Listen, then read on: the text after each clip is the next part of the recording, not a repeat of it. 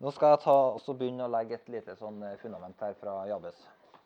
Og så skal Torvald få, og Siri få dele så- det som Gud har vist dem. Og så vil jeg ta en oppsummering og lande litt til slutt. Det står Jabes var mer ansett enn sine brødre. Hans mor ga han navnet Jabes, for jeg har født han med smerte, sa hun.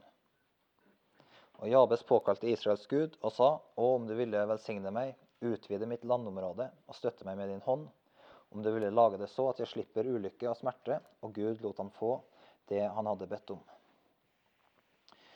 Så eh, Forfatteren av eh, krønikeboka, som antageligvis er han eh, godeste Esra, ja. Wow. Det Wow. Kanskje jeg bare skal slippe det deg først her. Du blir korrigert hvis det blir behov. jeg. Har ikke lest den. Alle kristne har lest den Jabes bønnboka. Den har jeg aldri lest. Men jeg har den. Så den, den må være bra, siden det er så mange kristne som har lest den. Har du lest den? Nei, ikke lest den. Hvor mange er det som har lest den boka, forresten? Jabes bønn av uh, han Bruce Wilkinson. Bruce Wilkinson. Ja, ja. Nei, men det var, da, da stiller vi alle på lik linje her. Ja. ja, du har den!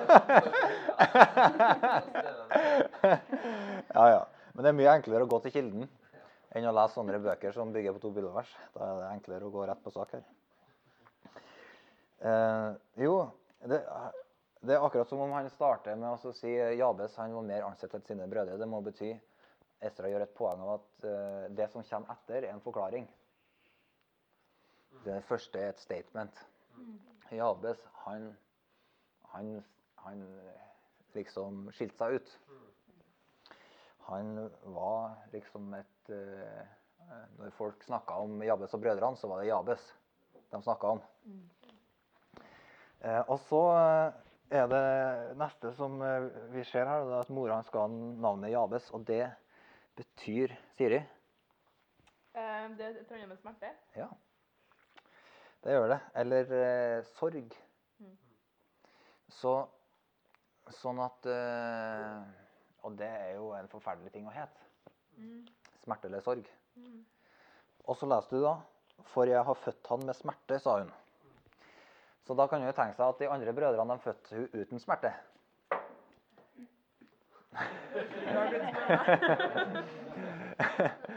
Nei, antagelig Eller det som eh, Den eh, eneste naturlige grunnen til at hun kalte den Jabes, fordi at eh, hun hadde født den med smerte, må ha vært at denne smerten var på et annet nivå.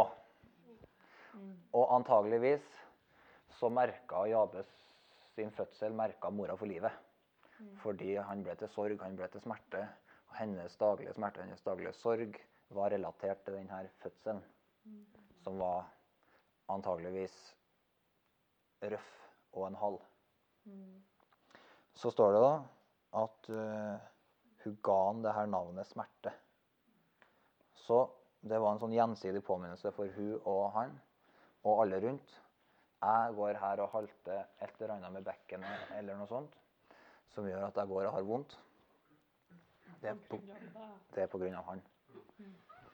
Og Jabes han så mammaen sin, og så så han hun går og halter, hun har vondt hver dag, hun har smerte, hun har hatt vondt siden den første dagen jeg trakk pusten.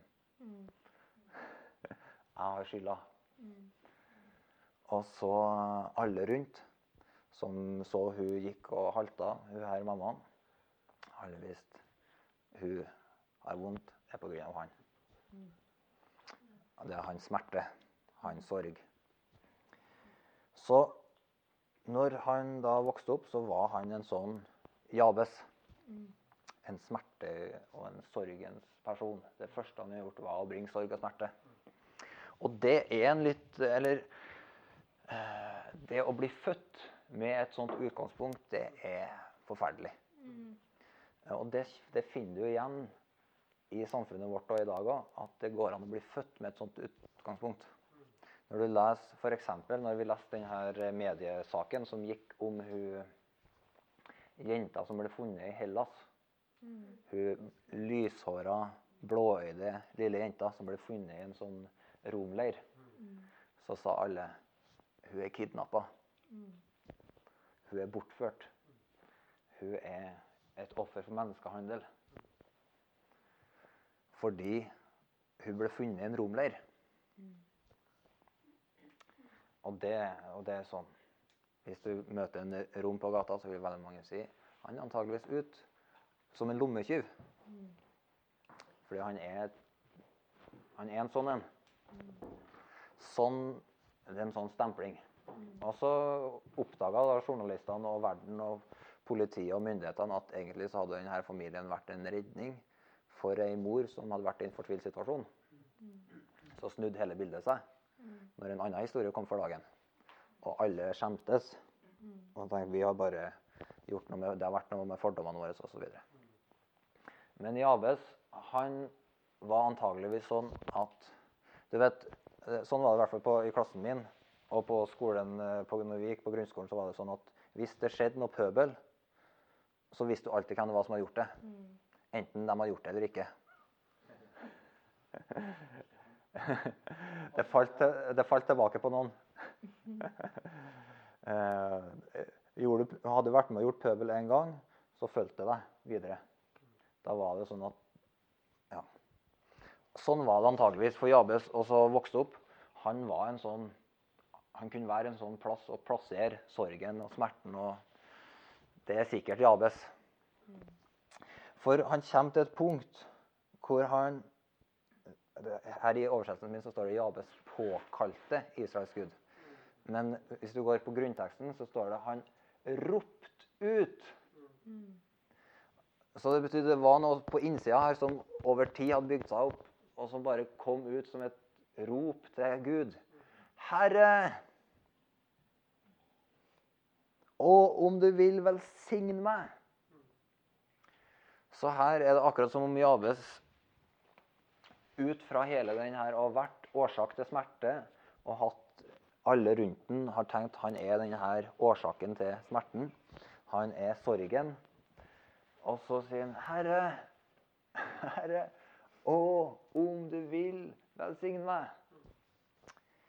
Og det er kjempeinteressant. Fordi at eh, Jabes, han springer ikke Det er ikke bare sånn at han liksom eh, går inn i seg sjøl og tenker nå skal jeg ta meg sammen og komme meg ut av denne situasjonen. Der alle tenker at jeg er en årsak til smerte, jeg er en grunn til sorg. Og nå skal jeg prøve å forbedre ryktet mitt, eller noe sånt. Men det var ikke Jabes kom ikke dit. Eller kanskje han har vært der lenge, men så kom han til et punkt i livet sitt hvor han roper ut til Gud. Og så står det da en annen ting som er litt interessant her. Det er at han påkalte Israels Gud og sa, 'Herre, om du vil velsigne meg'. Og det, det som er interessant her med Israels Gud, er at Jabes han hadde antageligvis eh, vokst opp og kjent til denne eh, historien eh, om eh, Israel, Jakob. For det er ikke, det er ikke mange generasjonene fra, eh, fram til Jabes her. Fra Jakob og, og han som fikk navnet Israel. Og Jakob han var jo en som eh, het Jakob, og Jakob det betydde en som holder i hæla. Så en som utnytter situasjonen, en som eh, er en sviker. Og så kom han til et punkt i livet sitt der han fikk et nytt navn. Så Jabes, når han, det er interessant her, når han påkaller Gud, så påkaller han ikke Abraham, Isak og Jakobs Gud. Men han påkaller Israels Gud. Og i det så ligger det en forståelse, fordi at når Jakob han eh, slåss med Gud Har dere lest den historien? Det står i første Mosebok. Jakob han møter Gud, og så er det akkurat som om Gud Eh, jeg har i hvert fall tenkt at eh, Jakob slåss med Gud, og Gud slåss med Jakob fordi at Jakob trenger å bli ferdig med seg sjøl. Han trenger å møte sin overmann. og så står det at Jakob Hvis du leser litt senere ut i Skriften, så står det at Jakob han seira ved at han eh, Hva var det han gjorde? Han trygla om nåde. Så det blir tydelig at den natta hvor Jakob hadde det her møtet med Gud, da han kjempa sin livskamp, så ble han mann ved at han trygla Gud om nåde. Og så um, finner du da at Jakob fikk navnet Israel, og Israel det betyr en som hersker sammen med Gud. Prins, prins med Herren, eller en som hersker sammen med Gud. Så, så det betyr at fra, for Jakobs del så gikk han fra å være en som prøvde å gjøre ting på sin egen måte, og få Gud til å gjøre spill på sine premisser, og få verden til å snu rundt seg sjøl, til at han ble ferdig med seg sjøl og begynte å gi Gud førsteplassen i livet. Og så istedenfor at han ble et offer for omstendighetene, som han hadde vært i livet sitt til da Han hadde flykta fra broren sin Jakob, han hadde flykta fra onkelen sin Laban. Så kom han til et punkt der han møtte Gud, vendte om, og så begynte han fra da av å styre sammen med Gud. Det vil si, Gud satt på tronen i livet hans, og så begynte han å styre livet sitt sammen med Gud. Det er revolusjon.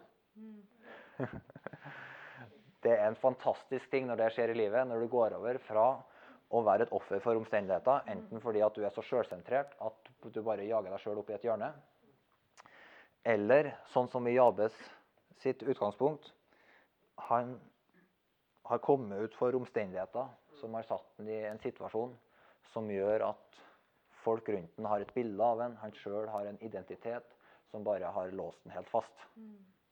Han kommer ikke videre. Men så roper han til Israels Gud. Han sier, 'Jeg trenger å bli herre i eget hus'. Og Den eneste måten jeg kan bli herre i eget hus på, og ta styring over omstendighetene og begynne å, å forme livet mitt på, det er ved at Gud kommer på førsteplassen. At Guds makt begynner å bli virksom i livet mitt. Så det som er interessant, er at når vi vender om til Gud, så kommer Gud på førsteplass i livet vårt. Men det gjør ikke at vi blir umyndiggjort. Men det gjør at vi blir hode og ikke hale. Da kommer vi til et punkt der vi ikke lenger er bare slaver om omstendigheter eller folk sine meninger eller våre gamle erfaringer eller hva folk uh, tenker at vi er i stand til å gjøre, eller noe sånt. Men vi kommer til et punkt der Gud har første og siste ordet, og da begynner vi å ta tak i livet vårt. Og så skylder vi ikke på omstendigheter, skylder vi ikke på andre mennesker. Men vi sier Gud er den jeg er ansvarlig for. Jeg er ansvarlig for livet mitt. Og Gud har makt til å gjøre alt han vil gjennom meg. Det fins ingen begrensninger. Og det var det Javes så etter, tror jeg, når han roper på Israels Gud. Det må ha vært en bønn hos en Herre, jeg er Jeg har vært en smerte hele livet. Gud, Israels Gud, velsign meg! Jeg vil være en velsignelse. Jeg vil være årsak til liv. Jeg vil være årsak til ære. Jeg vil være årsak til at andre mennesker blir velsigna. Og at det skal være rykte i livet mitt.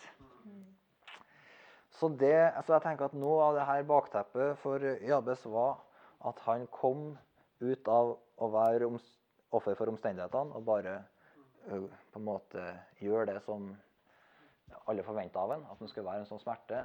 Til at han skjønte den eneste veien ut fra det her kasteballlivet, det er å gå på kne foran Gud, og at han kommer og berger meg og frelser meg. Amen. Siri eller Torvald, vil dere fortsette, eller? Til, eh, ja, siden jeg sitter her. Ja. Um, i forhold til Jakob, som du snakka om. Ja. At det var interessant også at når han fikk eh, Benjamin, ja. så ville jo Rakel gi navnet eh, smertens sønn til han. Men han var veldig bevisst på hva navnets betydning, hva det hadde å si. Ja. Han sier han nei. Han skal hete Lykkens sønn, Benjamin. Mm, Mm. Ja, det er sant. det Han hadde lært noen ting. Ja. Så, er, men jeg tror det her er kjempeviktig. Ikke la folk kalle deg hva som helst. Og Mm. ikke kalle folk eh, ting de ikke er. Mm. Men ordene som vi bruker, er kjempeviktige. Mm. En utrolig kraft i å ta det som er sant og rett, og til oppbyggelse. Mm. Veldig bra, Har um, det jeg har eh, tror Gud ønsker å si til oss med denne med da, er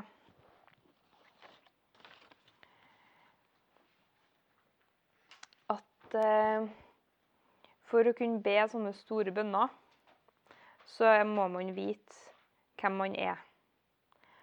Uh, man må vite at man, man har sin identitet i Gud, og vite at man er elska av Gud. Og uh, vite at uh, Og Gud må vite på en måte at, uh, at du kommer til å gi ham ære. Um, og det står i 1. Peters brev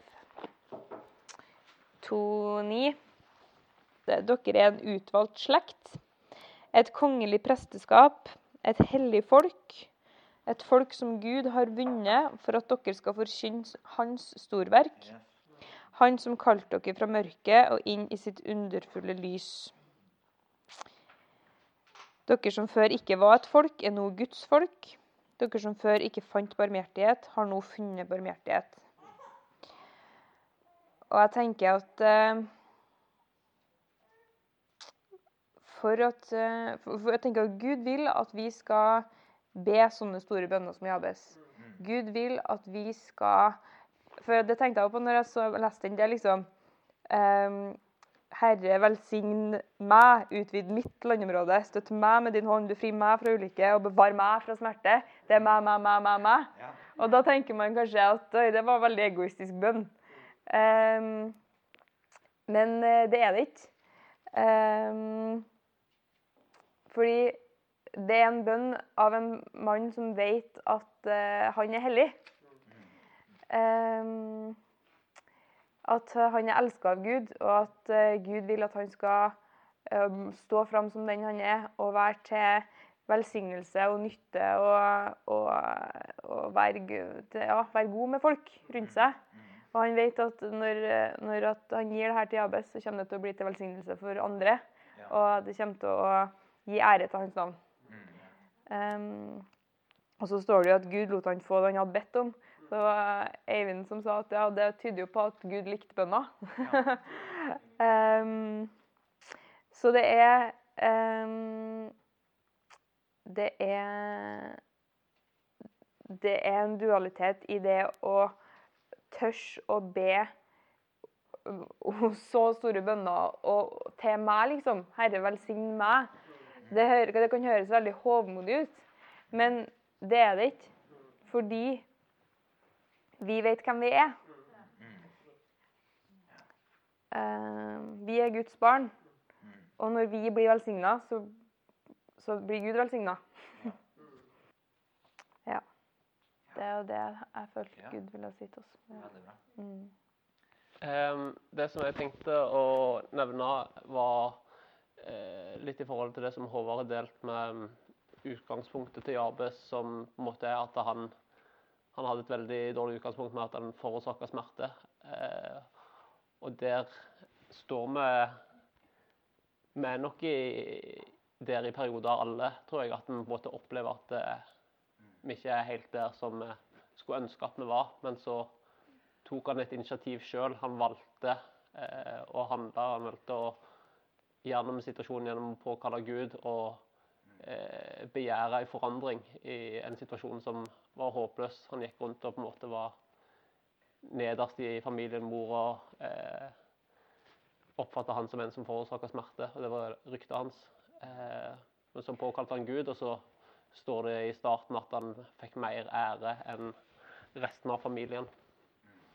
Og at ehm, det må ha skjedd noe fra på en måte utgangspunktet fram til det. Og jeg tror eh, mye ligger i det initiativet som han tok, bare med at han liksom gikk fram for Gud og eh, banker på til det blir lukket opp for han. han det så skal du få, som står om i bergpreika. At eh, det er liksom være ivrig framfor Gud. Eh, at det, det, er noe av det som vi kan lære gjennom denne her bønna. Um, så tenkte jeg jo på Eller jeg opplevde jo at uh, det her med å be Gud om å bli holdt vekke fra ondt, Eh, som det står om, at det er noe som eh, er en veldig god måte å leve rett på. Å be om å bli holdt vekke fra vondt kontra det å komme i masse vonde situasjoner og dernest eh, be om tilgivelse for det. Det må være mye bedre å eh, være i forkant. Mm.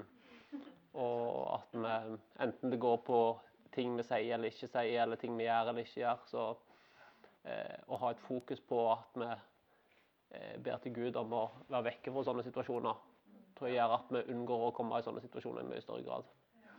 Mm.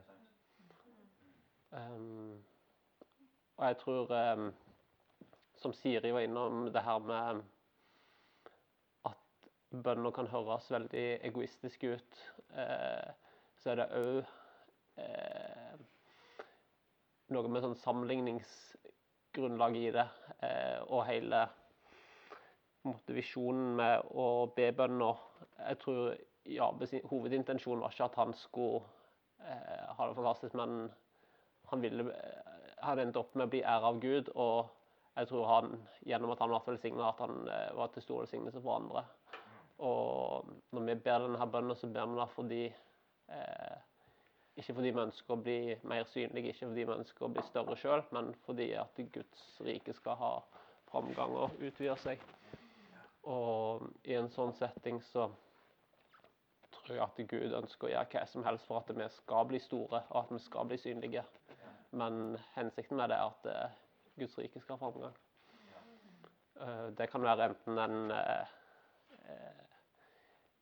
Jeg tenker at dette er en veldig sånn aktuell bønn inn i at samfunnsliv skal bli forandra.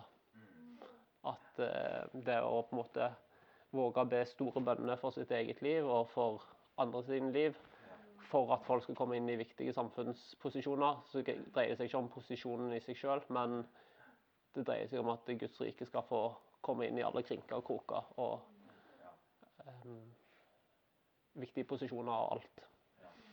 Mm. Og jeg ble minnet litt om dette her eh, som står i 1. Korinterne 12, om kroppen. Eh, med faren at eh, en del av kroppen sier at fordi du ikke er øye, så er du ikke like viktig. og, og sånt, at det, det, er ikke det dette her dreier seg om, men eh, vi må være obs på det. Mm. Og jeg tror òg i det at vi ber sånne bønner, så det med å holde seg vekke fra ondt òg går på uh, vi ikke skal bli håndmodige og på en måte komme i en sånn setting der vi begynner å hylle oss sjøl mer enn uh, bakgrunnen for uh, ønsket om at Guds rike skal ha framgang. Mm. Ja. Um, jeg har kanskje gått litt mer sånn i dybden på selve bønna. Sånn, det, altså, det første spørsmålet jeg stilte meg i forhold til når jeg skulle se på den bønna her, eh, og om du vil velsigne meg, så, så ble det naturlig for meg å spørre meg sjøl hva vil det egentlig si at Gud velsigner? Eller hva innebærer det at Gud velsigner noen? For jeg tenker at, eh, i hvert fall For min egen del så er det liksom fort gjort at jeg tenker ja, Gud velsigne deg. Uten at jeg egentlig tenker så videre over hva vil jeg egentlig si? Hva, hva er det egentlig jeg ber om når jeg sier, til folk at ja, Gud velsigne deg? Altså, Hva innebærer det egentlig at, at Gud velsigner? Eh, så jeg har lest litt på det. Det står jo veldig mye om akkurat det, da, men jeg har tatt noen bibelvers. da.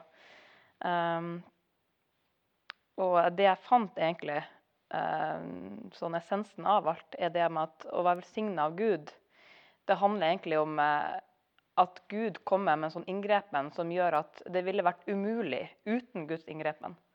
Og Når Gud velsigner, så er det noe som ikke var mulig, men som, som blir mulig nettopp fordi at Gud velsigner det. Så det handler ikke bare om at Gud, ja, jeg ber om at Gud skal være med deg i hverdagen. Det handler om at noe blir mulig rett og slett fordi Gud velsigner. Um, for eksempel, jeg kan ta noen av de versene her. Første Mosebok 12, 2-3. Jeg vil gjøre deg til et stort folk. Jeg vil velsigne deg og gjøre ditt navn stort. Du skal bli til velsignelse. Jeg vil, signe, jeg vil velsigne dem som velsigner deg, og forbanne dem som forbanner deg. I deg skal alle slekter på jorden velsignes. Um, Første Mosebok 22, 17. Eh, jeg vil velsigne deg rikt og gjøre din ett så tallrik som stjernene på himmelen og som sand på havets strand. Dine etterkommere skal ta byrdene fra sine fiender, osv. Um, 5. Mosebok 7, 13. Han vil elske deg og velsigne deg og øke din ett. Han vil velsigne dine barn og din grøde og ditt korn, din most og din olje, avkommet av ditt storfe og tilveksten til ditt småfe i det landet som han med ed lovte sine fedre å gi deg. Altså det, er sånn, det er sånn voldsomt velsignelse. Når Gud velsigner, så er det ikke bare at han er med deg og lar det gå deg godt med hverdagen, men det er sånn helt ekstrem velsignelse. Det er noe som Gud kommer med en inngrepen som gjør at ting som ikke var mulig, det blir mulig rett og slett fordi Gud har sagt det. Um, skal vi se Jeg kan ta flere. Første krønike 1727. Ja, den er god. Måtte du nå også velsigne din tjeners ett, så den alltid står urokket for ditt ansikt. For det du velsigner, Herre, er velsignet til evig tid. Det er gøy. Ordspråkene 10.22. Det, er det er Herrens velsignelse som gir rikdom. Eget strev legger ingenting til. Så her igjen, det er Gud som gjør det. Vi trenger ikke å streve sjøl. Det er Gud som velsigner. Det er Han velsigner, det er velsigna.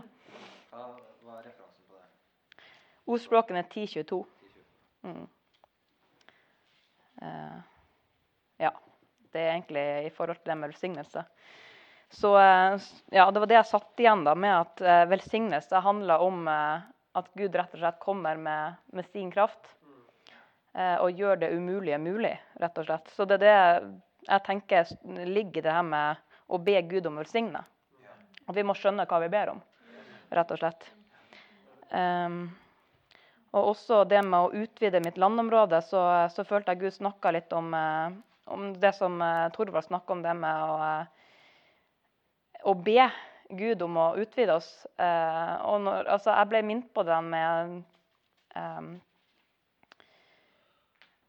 Som står i Matteus 27, at be, så skal dere få. Eh, og eh, Jakob 4 står også at dere har ikke fordi dere ikke ber. Altså Det er noe med det å, å faktisk be Gud om Gud utvid meg. Altså Jeg vil ikke ta til takke med det jeg har nå, jeg vil, jeg vil ha enda mer. Eh, og stadig på en måte søke mer fra Gud og mer fra Gud og mer fra Gud. Eh, og faktisk tro på det at eh, sånn som eh, eh, jeg følte Gud sa i eh, begynnelsesvis, at vi ikke eh, tenker på den gamle erfaringa. Og eh, altså hva, at, at det på en måte skal definere hva vi kan gjøre for Gud. Men at det handler om Guds kraft. Og når Guds kraft er med i det, så er det egentlig ubegrensa hva vi kan gjøre for Gud. Um, også det med å eh, støtte meg med din hånd. Det er òg fryktelig interessant. Eh, for Der òg leste jeg litt på hva vil egentlig si at Gud er med oss med sin hånd. Eh, jeg tror ikke jeg skal ta alle bibelversene der. Um, men det er jo egentlig handler bare om at det umulige blir mulig, rett og slett. Eh, og det, det å be Gud om at han skal støtte oss med sin hånd, det handler egentlig om å be om et mirakel. Sånn eh, kort sagt. um, ja, og når vi ser i, i Bibelen om det med Herrens hånd, så er det egentlig veldig nært knyttet opp med det at han gjør, altså Guds storverk. At Guds hånd det handler om at Gud gjør store ting. Um, ja. F.eks.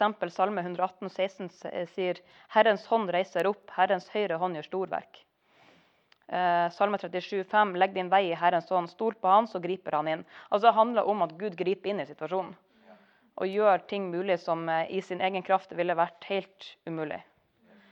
Um, og eh, Noe som Gud talte til meg om i forhold til det med at Gud skal være med oss med sin hånd, det er at, altså, å ha et ønske om å leve på en sånn måte at du er garantert å mislykkes. Du er garantert å falle hvis ikke Gud er med deg. Altså Det handler om en sånn avhengighet av Gud. Vi trenger å stole på han, vi trenger å være helt fullstendig avhengig av han. Hvis ikke Gud bærer oss, så detter vi. Garantert.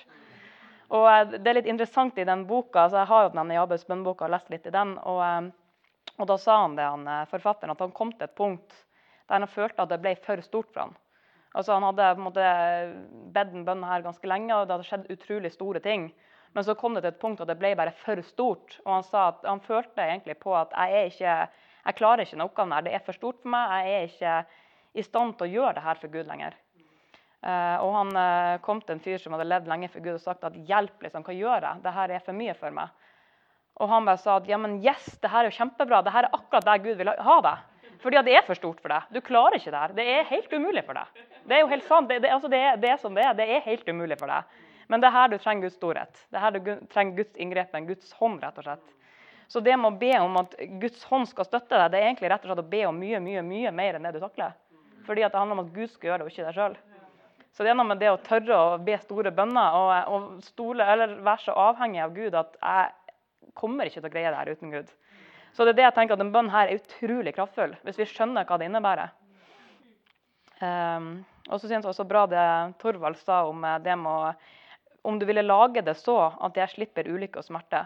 Det tenker jeg handler om det med å være i forkant, som du sier. Og så I stedet for å be Gud føre meg gjennom ulykke og smerte, hjelpe meg gjennom det her, så be Gud rett og slett om å slippe å falle i ulykke og smerte. Eller fristelse, eller hva det ønsker å være. Altså, sånn som jeg tenker, sånn som Jesus ber jo i, eh, når han eh, kommer med en mønsterbønn av Fader vår, så står det å lede oss ikke inn i fristelse. Altså ikke Gud før meg gjennom fristelse, men led oss ikke inn i det. Og jeg tror nok at Vi kommer til å oppleve fristelse, vi kommer til å oppleve ting som er tøft, men, men det er noe med å be Gud om beskyttelse. For hvis vi skal begynne å be den bønna her, som er så kraftfull, så kommer garantert djevelen til å prøve å ødelegge for oss. Fordi da begynner vi å bli en trussel for han. Og vi trenger å be Gud om Gud hjelper oss, før oss ikke inn i fristelse, før oss ikke inn i de her ulykkene. Men hjelp oss fra ut av det. Hjelp oss til å ikke ende opp i det, rett og slett. Uh, ja. Det er vel egentlig det. Jeg har lyst til å nevne eh, et par ting før vi kan bruke litt tid avslutningsvis bare til å be til Gud sammen. Uh, skal vi være ferdig til 21.30, så da vi, eh, får vi litt tid på slutten her til det. Men eh, eh, det står om, eh, om Jabes at han eh, ber om at landområdet hans skal utvides. Og det er et litt sånn interessant uttrykk på i den her engelske den her King James så står det istedenfor landområdet, så står det 'coast'. Sånn at det her ordet handler først og fremst om ei grense. Eh, altså en, en grense som du ikke kan skride over. Eh, mer enn eh, på en måte det, det, det ordet uttrykker først og fremst eh, landegrense, mer enn at eh, utvide området mitt, men det handler om en grense som på en eller annen måte står der. Eh, F.eks. ei kystlinje. Den er liksom endelig. Den er ikke så lett å flytte på. så, så det er tydelig at eh, Jabes opplever at han møter noen ting. Det, han ber inn at han, han møter noen begrensninger, noen grenser, som gjør at eh, han vil Han ber til Gud, litt sånn som Line var inne på, at han ber om at Guds hånd skal komme og gripe inn på en sånn måte at de her begrensningene går. da. Um, og det tenker jeg er litt eh, viktig for oss å være våken på at Gud ønsker å vise oss eller Gud ønsker at eh, begrensninger som vi kan kjenne på nå, skal eh, gi slipp og skal gå i Jesu navn. Og det kan være på mange områder, men, men jeg tror at vi allerede vet noen sånne områder som vi vet at Gud kaller oss inn i. Der vi bare ser at her, her, per i dag så er det på en måte en strek. Men vi vet at Gud har et, eh, et område for oss her. Eksempel så tenker jeg at eh, vi har masse unger i menigheten som eh, vokser opp og er privilegert i å få bli kjent med Jesus. Men jeg tror Gud har for oss at ikke bare de ungene som vokser opp her, skal få bli kjent med Jesus, men at det skal være en åpen dør inn til masse naboer og venners venner en rik åpen dør for evangeliet. Eh, det er noe som Gud skal ta oss inn i. Fra på en måte å være en sånn eh, beskyttende setting for, som ungene vokser opp i og, og fostres til å bli gode kristne, så skal vi bryte den grensa. Og se at nei, det, vi kommer inn i en strøm av liv fra Gud som hele tida går ut. Hele tida evangeliet går fram. Det beveger seg, det går videre. Det, jeg tror det er et område hvor Gud vil at vi skal be sånne jabesbønner om Herre, utvid området vårt. Ta vekk denne kystlinja. Eh, åpne Rødehavet for oss, så vi kan gå gjennom og komme inn i et nytt eh, land her. Da, et nytt område. Eh, og så tenker jeg at eh, det er Gud har talt oss om at vi skal være en eh, Antiokia-menighet. Og det innebærer eh, at eh, det er et sted for mange eh, kulturer. Og ikke bare mange kulturer sammen i menigheten, men at det reflekteres i, i bl.a. i tjenestegaver og i lederskap, sånn som du leser om i Antiokia. At det er, et, det er ikke bare en menighet som har, som har flerkulturelle innslag, men det er gjennomsyret hele livet. Det er identiteten i at vi er et Guds rike fellesskap av mange nasjoner. Det er noe Gud har for oss, og som vi skal inn i. Og som vi kan be sånne Jabes-bønner inn i. Så etterpå, når vi ber sammen til Gud nå, så kan det være interessant å høre hvilke sånne grenser er det vi bare vet at Gud har sagt det her denne grensa er bare et hinder for det Gud har tenkt å gjøre. Og så kan vi ta oss og litt, rope litt som Jabes inn i det etterpå. Men eh, bli med til Salme 72. Fordi i det som Siri og Torvald og Line bringer inn her, så hører Hvis vi hører det Ånden sier til menigheten, så er noe av tonen i det er at Jabes utfordrer oss. Jabes sin bønn utfordrer oss på identitet. Og det å be store bønner, og det å be om velsignelse og innflytelse. Salme 72 er en av eh, nøkkelstedene i Skriften for å forstå hensikten med innflytelse. Så den er verdt å grunne på i ei uke eller to, minst. Hør hva Salomo skriver, han som hadde eh, leda et rike som var på høyden av innflytelsen sin. Gud, overlat din dom til kongen. Gi kongssønnen rettferd fra deg. Så skal han dømme ditt folk med rettferd, dine hjelpeløse med lov og rett. Da skal fjellene gi folket fred og haugene rettferdighet. Måtte kongen hjelpe de vergeløse i folket til å få sin rett. Han skal berge de fattige og knuse den som undertrykker andre. Så her lærer Salomos noe viktig om hensikten med lederskap og innflytelse. Og det at Gud gjør oss stor og gir oss rom, det er Gud har tenkt at, Gud har tenkt at kongene er der for at eh, hjelpeløse skal få sin rett. For å berge de fattige og for å ta et oppgjør med dem som undertrykker andre. Så Det betyr at skal du ta et oppgjør med dem som undertrykker, så er en måte som et Guds prinsipp for å gjøre det, at det oppgjøret med dem som undertrykker, det kommer faktisk ovenfra.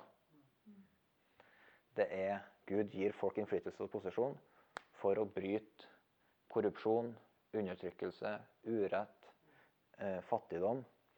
Eh, og det er, det er en av Guds måter å gjøre det på. Og Det er kjempeinteressant å lese i bibelhistorien.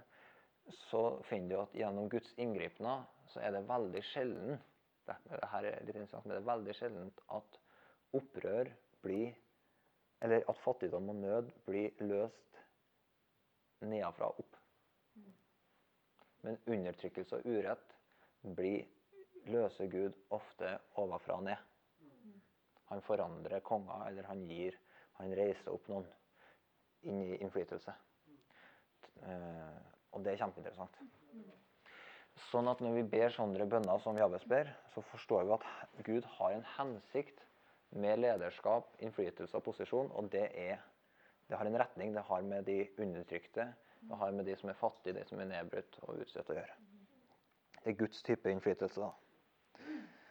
La han leve fra slekt til slekt så lenge sol og måne skinner. Han skal være likt regnet som faller på nyslått eng, lik en regnskur som hveter jorden. I hans dager skal rettferd gro, og lykke og fred skal råde så lenge månen er til.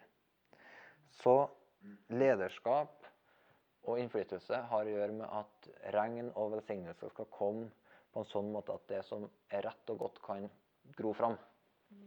Så ikke bare tar det et oppgjør med undertrykkelse og fattigdom, og sånne ting, men det er med å skape rom for det som er rett og godt, og velsigne det. Sånn at når Gud gir innflytelse for sitt folk, så er det fordi at vi skal være med å ta Gud vil at vi skal ta en plass. Og ta en posisjon. Og stå der og så ta det rommet og så bare åpne opp for at det som er rett og godt, kan få vokse fram og gro. La han herske fra hav til hav, fra storelva til jordens ender. De som bor i ørkenen skal bøye seg for han, hans fiender skal slikke støvet. Denne salmen veves sammen da, med en Kristus-profeti som, eh, som er interessant, og det blir tydelig utover i, i versene. eh, Utover i salmen. Konger fra Tashis og fjerne kyster skal sende skatt til han. Kongene av Saba og Seba skal komme med sine gaver. Han skal alle konger eh, hylle, og alle folkeslag skal tjene han. Så når vi snakker om Jabe som påkalt Israels gud, og Israel handler om han som styrte sammen med Gud og regjerte sammen med Gud, så forstår vi at selv om noen av disse versene her tydelig snakker om Jesus som konge, at folk skal komme og hylle han og tilbe han, æren og tilbedelsen tilhører Jesus. Det er ikke et sted for oss. Det er et sted den tilhører Jesus alene. Gud alene. Men sty, Guds styre, Guds utøvende kongedømme, det tilhører hans folk. Den som seirer, han skal sitte sammen med lammet på hans trone, sånn som lammet ble gitt å sitte med Gud på hans trone. Åpenbaringsboka. Så vi er kalt til å styre sammen med Gud. Og så finner du det at det innebærer at når Gud gir oss innflytelse, så kommer verdens rikdom og herlighet til oss for at vi skal forvalte. Ok? Det betyr Gud gir deg en posisjon og en plass for at du skal bruke det. Og så kommer Gud til deg med på ulike måter å velsigne deg. Det er ikke bare gjennom at menigheten tar opp et offer, men det kan være på mange forskjellige måter. Så kommer verdens rikdom for at Guds folk skal bruke det til å gjøre Guds gjerninger inn i verden. Fra vers 12. For han berger de fattige som roper om hjelp, de arme som ingen hjelper har. Han ynkes over småkorsfolk og redder de fattiges liv. Han løser dem fra tvang og vold, deres liv er dyrebart i hans øyne. Måtte kongen leve og få av Sabas gull. Folk skal stadig be for han og velsigne han dagen lang. La det være overflod av korn i landet, så det bølger over åsene. La grøden være som Libanons skog, og byer blomstre og bre seg som gresset på marken. La hans navn bestå til evig tid, la det skyte friske skudd så lenge solen skinner. Alle folk skal velsigne seg med det og prise han lykkelig. Lovet være Herren, Israels Gud, han som gjør under, han alene. Hans herlige navn være evig lovet. Hele jorden er full av hans herlighet. Amen. Amen. Så den eh, her bønna om eh, innflytelse og at Gud skal utvide oss og gjøre området vårt større og bryte grenser, den er ikke det, eller det er en bønn som Gud vil at vi skal be. Gud er, ønsker en menighet som skjønner at vi er ikke her for å være en, en, liksom en underdog som ingen vet om. Men Gud ønsker at menigheten hans skal være en synlig, eh, tydelig eh, og, og, og på en måte eh, en, en faktor som bringer, som har en posisjon inn i byen som vi bor i, inn i landet som vi er en del av. Eh, fordi at det har med Gud ønsker et, et sted hvor hans trone kan demonstreres, hans liv kan gå ut. Gud ønsker at huset hans skal være løfta høyt over alle andre hus. At det fjellet, byen på fjellet, at det skal være synlig. Eh, at lyset skal opp i lysestaken. Alle de her bildene som, som Jesus bruker på menigheten, og som profetene gjennom Gamletestamentet bruker på Guds hus, det er sånne bilder der Gud Det står om Herrens tempelberg, at det skal være høyt løfta over alle andre fjell. Og at hedningene sin ære og herlighet skal komme til det. Eh, sånn at Gud ønsker å bygge huset sitt, menigheten sin, på en sånn måte at, at mennesker kan se den og oppdage Guds herlighet og lære å kjenne Guds veier. Eh, Så det handler om innflytelse på områder som familieforståelse, ekteskap, barneoppdragelse, bruk av økonomi. Det handler om forståelse av hvordan du leder bedrifter. Det handler om etikk inn i helsevesenet. Alle disse områdene ønsker Gud at vi skal være et folk som går inn i og på en måte representerer Hans rike inn i, sånn at huset hans kan bli, bli et, sånt, eh, et by på et fjell og et sted der folk kan se til for å kjenne Gud. Så Det betyr da at hver enkelt av oss som er her, vi trenger å be denne bønna i vårt eget liv. Fordi at Gud har, sånn som Line sa, Gud har ikke tenkt at vi skal leve styrt bare av erfaringer og det vi kan gjøre i egen kraft. Men Gud tar tak i livet vårt, og så kommer han med sin kraft. Støtter oss med sin hånd, og så gjør han mye mer enn vi ber om og forstår. Så la meg ta et eksempel. Her er et veldig enkelt eksempel. Men vi holder jo på å drive en eh, nettskole, folkebibelskole, som er bibelskole på nett. Og i den forbindelse så er vi sammen med en del eh, andre nettskoler av og til. Fordi at vi får penger fra, eh, fra UDIR, Utdanningsdirektoratet, for å utvikle gode nettskoleløsninger. Siden vi er en sånn offentlig godkjent nettskole. Og så hadde vi gjort noe så enkelt. Vi liker å gjøre enkle ting. Vi hadde laga masse lydforelesninger. Og så ble vi spurt om eh, vi kunne komme og fortelle om arbeidet vi har gjort med å lage lydforelesninger på en sånn stor nasjonal konferanse for nettskoler og Utdannings-Norge. Så, så da tenkte jeg det skal jeg gjøre. Dette er jo ikke noe hokus pokus, og de pengene som vi hadde fått, var jo bare smuler fra de rike spor. Så jeg, så jeg stilte meg opp. Ja, nå skal jeg fortelle hva som skjedde. Dette kommer ikke til å gå ut på nett, men jeg forteller det likevel. Det som skjedde, var at rett før oss så kom det en gjeng fra BI fjernstudier. BI er en sånn eh, handelsskole. Og de hadde en eh, De hadde laga seg et eh, TV-studio som en del av fjernundervisninga si. Med sånn flerkameraproduksjon og programledere og full pakke. Utrolig fancy.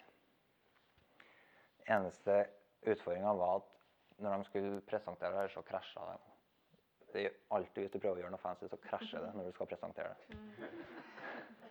Det krasja big time. Så de fikk bare til å vise tre sekunder av det her. Du så bare så vidt et glimt av det her studioet, og så bare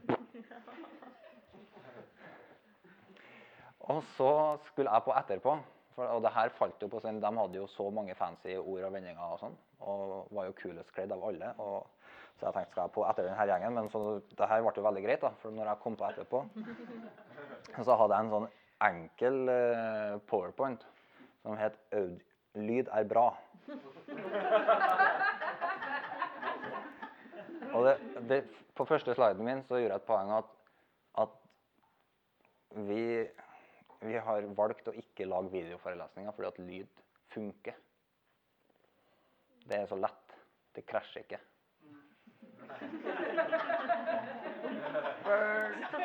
Så det var liksom Så det, det var veldig Alle skjønte det. Liksom poenget understreka seg sjøl. Og så fortalte jeg enkelt da om eh, at vi har prøvd, og vi har brukt Siri har lest den litt, og så fortalte jeg litt hva vi gjorde. sånn helt enkelt. Og med litt så at og vi har jo fått så lite penger til det her at eh, hvis det ikke hadde vært for at de sponsa flybilletten min ned, så hadde vi svidd av hele budsjettet på tur-retur Oslo. Så. Jeg syns de var kjempevittige. Og, og en mild overdrivelse, men eh. Og så, så etter det, da Så de syntes jo det her forelesninga var forfriskende annerledes og god.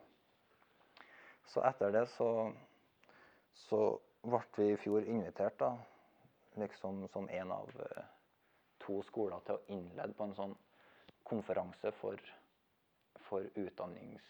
Eller for nettskoler i forhold til hvordan skal departementet forvalte midlene, eller hvordan skal de organisere midlene.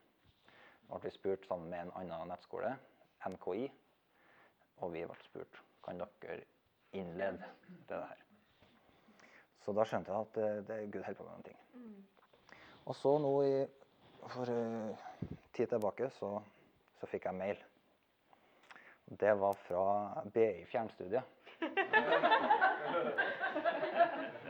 Og de sa vil, vi, Det var sånn mail via et kontaktskjema på Folk videoskole. Så de sa vi lurte på om vi kunne komme i kontakt med dem fra dere som, har vært, som var i fjor på, på nettskolekonferansen. For vi lurte på om eh, For vi ble så inspirert. Og vi lurte på om vi kunne få hjelp til å lage lydforelesninger. lesninga.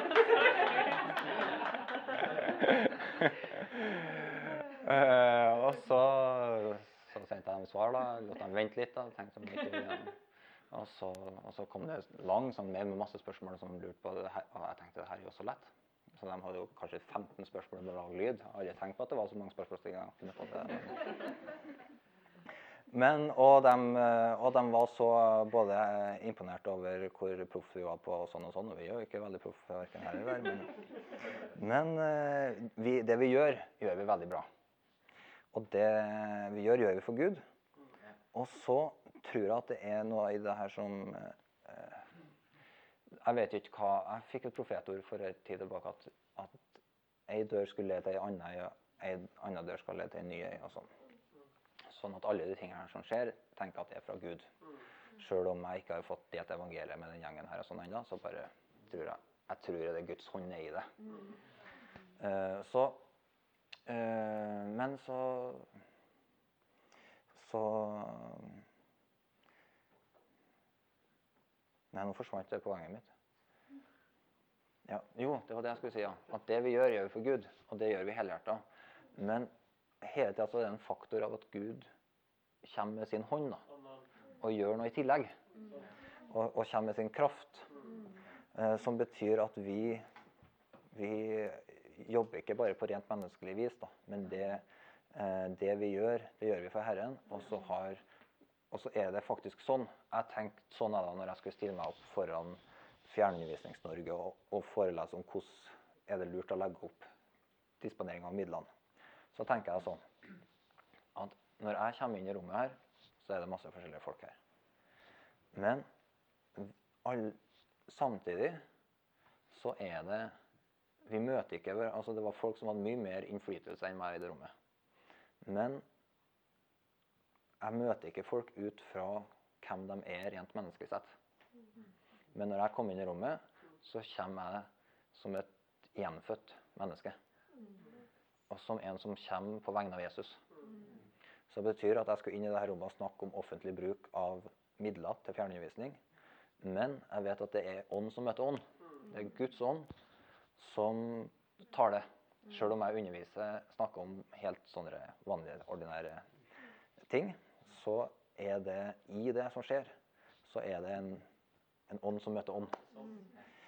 Og det betyr at, eh, at jeg representerer ikke bare en nettskole, men, og jeg representerer ikke meg sjøl, men jeg representerer Guds rike inn i settingen.